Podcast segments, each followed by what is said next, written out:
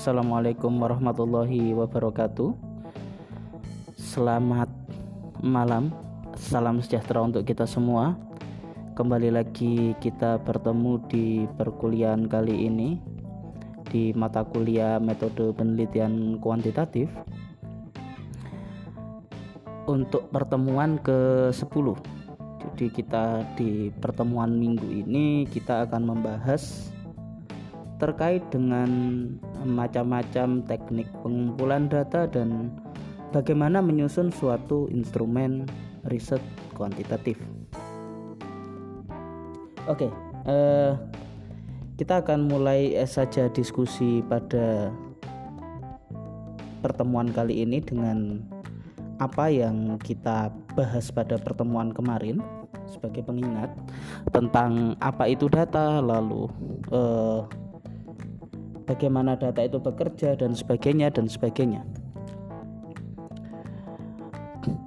Di pertemuan kemarin kita membahas terkait dengan apa itu data, lalu bagaimana data itu bekerja dan uh, sebenarnya kita tanpa melakukan penelitian pun data di dunia ini sudah tersebar seperti itu kalau di pembahasan kita kemarin. Namun di pembahasan kita kali ini saya akan berfokus atau concern pada setelah kalian tahu data yang mau diambil itu seperti apa. Lalu eh, sampling yang dilakukan sudah benar, maksudnya orang yang mau ditanya itu sudah benar, sudah sesuai dengan kriteria tujuan yang mau kalian lakukan, riset yang mau kalian lakukan, maka yang terakhir adalah kita buat tentukan juga teknik gimana cara data itu diambil. Nah, jadi cara wis bener, sing mau ditanyakan itu siapa, barulah data itu bisa dianalisis dengan mudah. Tapi kalau tidak, ya udah kita kebingungan karena tidak sesuai. Nah, proses penyesuaian teknik pengambilan data, lalu sumber data dan tujuan penelitian inilah yang disebut dengan bangunan uh, logic of science dari sebuah riset itu yang uh, penting di dalam pemikiran uh, kajian ilmu sosial modern.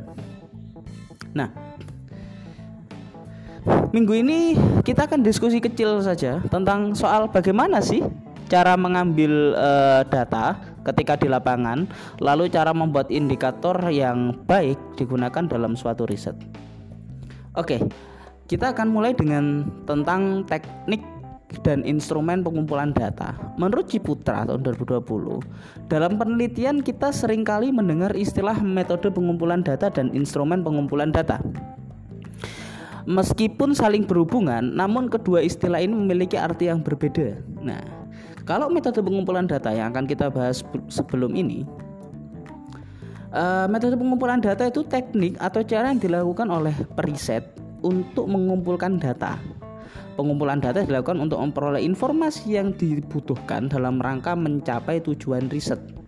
Nah, ini yang penting. Jadi informasinya butuh apa? Masa misalnya kita butuh informasi tentang eh, persepsi masyarakat terhadap kinerja wali kota Magelang, tapi eh, kita gagal kita menanyakan kepada masyarakat Temanggung, lah itu konyol. Nah, caranya nggak kita tanyakan tapi kita sebar kuesioner saja. Sedangkan masyarakat Temanggung itu tidak sedikit yang susah untuk membaca teks misalnya. Kesulitan membaca teks dalam artian tertentu. Nah itu menjadi problem. Nah maka dari itu teknik pengumpulan data dilakukan untuk memperoleh informasi yang dibutuhkan dalam rangka mencapai tujuan penelitian. Maka dari itu tujuan penelitian itu kan sangat penting. Pertanyaan penelitian kemarin kita buat bagaimana membuat suatu pertanyaan penelitian. Nah pertanyaan penelitian itu baru bisa dijawab dengan tujuan penelitian. Nah tujuan penelitian itu baru bisa dicapai ketika kita sudah mendapat informasi dengan teknik yang benar cara pengumpulannya. Nah bagaimana cara pengumpulan? Kalau kita kemarin yang di statistik ilmu sosial itu bicara tentang Uh, kalau ilmu eksak itu punya timbangan atau punya meteran atau punya pengukur suhu termometer atau alat-alat ukur lain di dalam uh, keilmuan mereka. Namun di riset ilmu sosial kita punya yang namanya itu angket atau kuesioner penelitian. Nah di dalam ilmu sosial yang disebut angket atau kuesioner penelitian ini menarik karena apa? Karena ini merupakan uh, instrumen atau misalnya alat ukur dalam pengumpulan data. Jadi alat ukur kita itu timbangannya bener pora. Nah, instrumennya bener pora itu juga penting. Nah, karena dia berupa alat, maka instrumen itu dapat berupa checklist.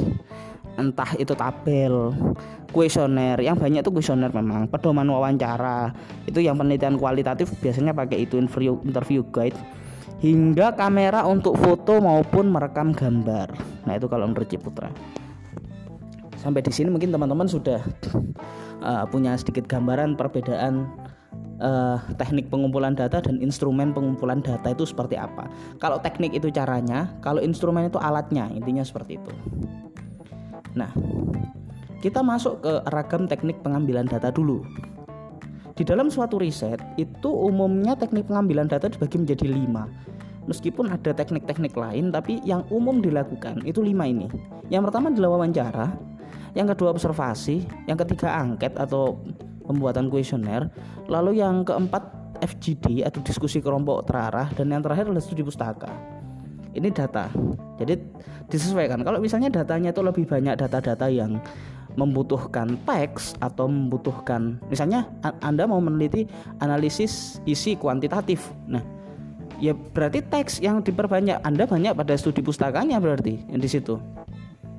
Misalnya menulis tentang autobiografi, ya studi pustaka tentang autobiografi.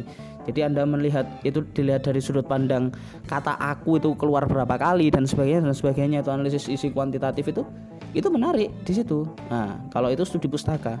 Tapi kalau misalnya untuk melakukan reliabilitas, maksudnya keabsahan data, Anda bisa melakukan FGD atau diskusi kelompok terarah. Mungkin teman-teman yang semester ini sudah tidak asing lagi dengan FGD karena di Wanurejo sudah pernah praktik FGD toh. Dan yang terakhir angket. Nah, kemarin waktu UTS statistik teman-teman saya suruh untuk membagi angket. Nah, seperti itulah bentuk angket salah satunya. Dan mungkin teman-teman sering disuruh untuk ngisi survei, itu salah satu bentuk angket. Kalau observasi itu pengamatan, kita akan melihat tentang bagaimana cara mengamati. Ada partisipan as observer dan uh, observer as partisipan itu nanti saya agak detailkan di dalam. Lalu yang uh, paling banyak dipakai itu wawancara. Wawancara yang definisinya silahkan dibaca sendiri menurut Ciputra. Lalu definisi saya salah kaprah banyak orang bahwa wawancara itu hanya dilaksanakan dalam riset kualitatif. Nah, itu salah.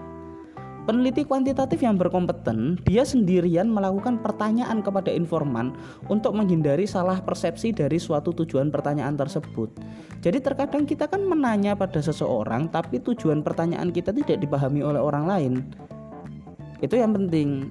Jadi wawancara juga diperlukan. Kita tetap bikin kuesioner tapi nanya. Nah ketika orang ditanya itu maksudnya piye? Nah kita bisa menjelaskan kayak gini pak. Oh kayak gitu berarti jawabannya sangat sering. Oke.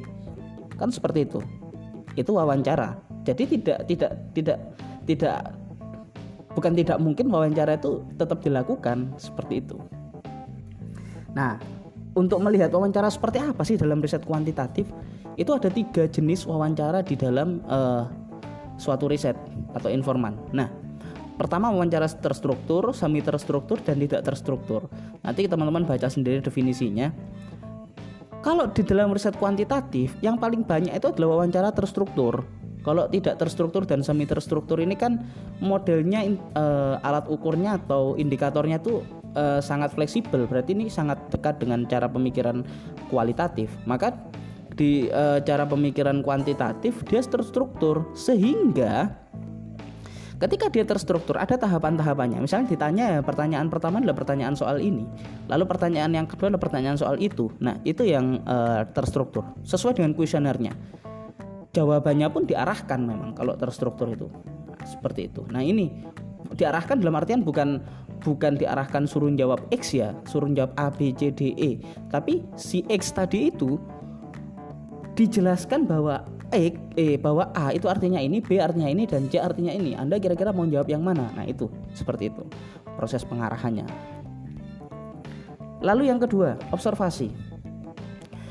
Ini definisinya bisa teman-teman uh, bahas sendiri, bisa teman-teman baca juga di PowerPoint saya. Namun yang akan saya perdalam di sini adalah sebuah kesalahan besar bagi peneliti ketika observasi hanya dianggap sebagai data tempelan. Itu konyol. Konyolnya adalah contoh nih, contoh. Mungkin kalau di penelitian kualit kuantitatif tidak ya, tapi di penelitian uh, kualitatif misalnya etnografi masyarakat adat atau riset tentang pola komunikasi Densus 88 tentunya tidak bisa dilakukan dengan wawancara sehingga observasi adalah cara efektif dan dia menjadi data primer. Nah, itu yang salah. Observasi selalu data sekunder enggak. Observasi observasi itu bisa menjadi data primer. Contoh, kalau di kuantitatif ya, observasi itu bisa menjadi salah satu cara efektif dalam memperoleh data. Anda bisa mengukur berapa banyak si A berkomunikasi dengan si X dan berapa banyak orang sehari berbicara dengan Z sebagai pemimpin adat. Nah, dari situ bisa diukur bahwa sumber informasi yang paling banyak adalah orang yang memegang komunikasi di situ. Berarti si Z memang benar-benar menjalankan perannya sebagai kepala adat sekaligus kepala pemerintahan secara de facto masyarakat situ dengan dibuktikan misalnya satu hari itu dia menerima 50 orang dan berkomunikasi e, sebanyak berapa ratus kali. Itu bisa dibuktikan menarik toh FGD nah jangan dikira FGD tidak bisa dicatat seperti itu. Eh observasi dicatat seperti itu. Nah di dalam teknik-teknik observasi observasi itu biasa dibagi dua. Yakni partisipan observer atau misalnya eh, partisipasi terlibat secara langsung dalam kegiatan sehari-hari. Jadi di sini ini ini umumnya dilakukan dalam penelitian uh, kualitatif. Bahkan ada yang namanya metode penelitian kualitatif itu participatory action research. Jadi penelitian participatory action research itu sudah menjadi satu dengan masyarakat itu. Sehingga ketika kita sudah menjadi satu dengan masyarakat itu kita itu sekaligus menjadi partisipan di dalam kehidupan masyarakat itu misalnya. Nah kalau di kuantitatif itu banyaknya dia pakai metode pengamatan non partisipan jadi dia itu tidak ikut secara langsung dalam kegiatan sehari-hari. Dia menjadi orang lain signifikan other kalau di dalam konsepnya itu. Di dalam uh, riset kuantitatif. Lalu yang tra kedua ada teknik FGD misalnya FGD ini kelompok diskusi terarah. Ya, ini tujuan FGD menguji biasanya tujuan FGD ini seperti yang saya jelaskan di awal, dia itu untuk menguji apakah data itu sudah reliable apa tidak. Contohnya adalah ketika data yang dihasilkan itu fix bahwa yang paling berpengaruh terhadap proses komunikasi di pedesaan itu adalah pemimpin adat, maka di dalam FGD itu ketika tidak seperti itu, misalnya ada pemberontak di situ. Nah, berarti harus dicari lagi data itu. Kira-kira apakah memang e, pemimpin adat memiliki pengaruh yang besar bahkan untuk melawan pemberontakan dalam hal itu? Dapat temuan baru dari situ. Nah itu fungsinya FGD lalu yang e, ter bukan terakhir ini ada juga tentang angket dan kuesioner. Ini yang paling banyak kita pakai kuesioner itu uh, dilakukan dengan misalnya kalian bikin kuis atau bikin ya tidak asing lah kalian saya yakin dengan kuesioner kuesioner kuesioner. Ya kuesioner seperti itu cara membuat kuesioner yang baik. Seharusnya memang mata kuliah ini bentuknya kita buat sebuah workshop ya. Misalnya ada teori apa kita buat sebuah teknik kuesioner menyusun kuesioner yang baik itu seperti apa. Mungkin nanti kita UAS nya bikin kuesioner yang baik itu aja mungkin nggak terlalu pusing teman-teman kan kalau yang di sini. Nah, maka di sini yang dapat saya simpulkan adalah teman-teman eh, saya harap tidak terfokus kuesioner itu susah. Kuesioner itu bikinnya nggak susah.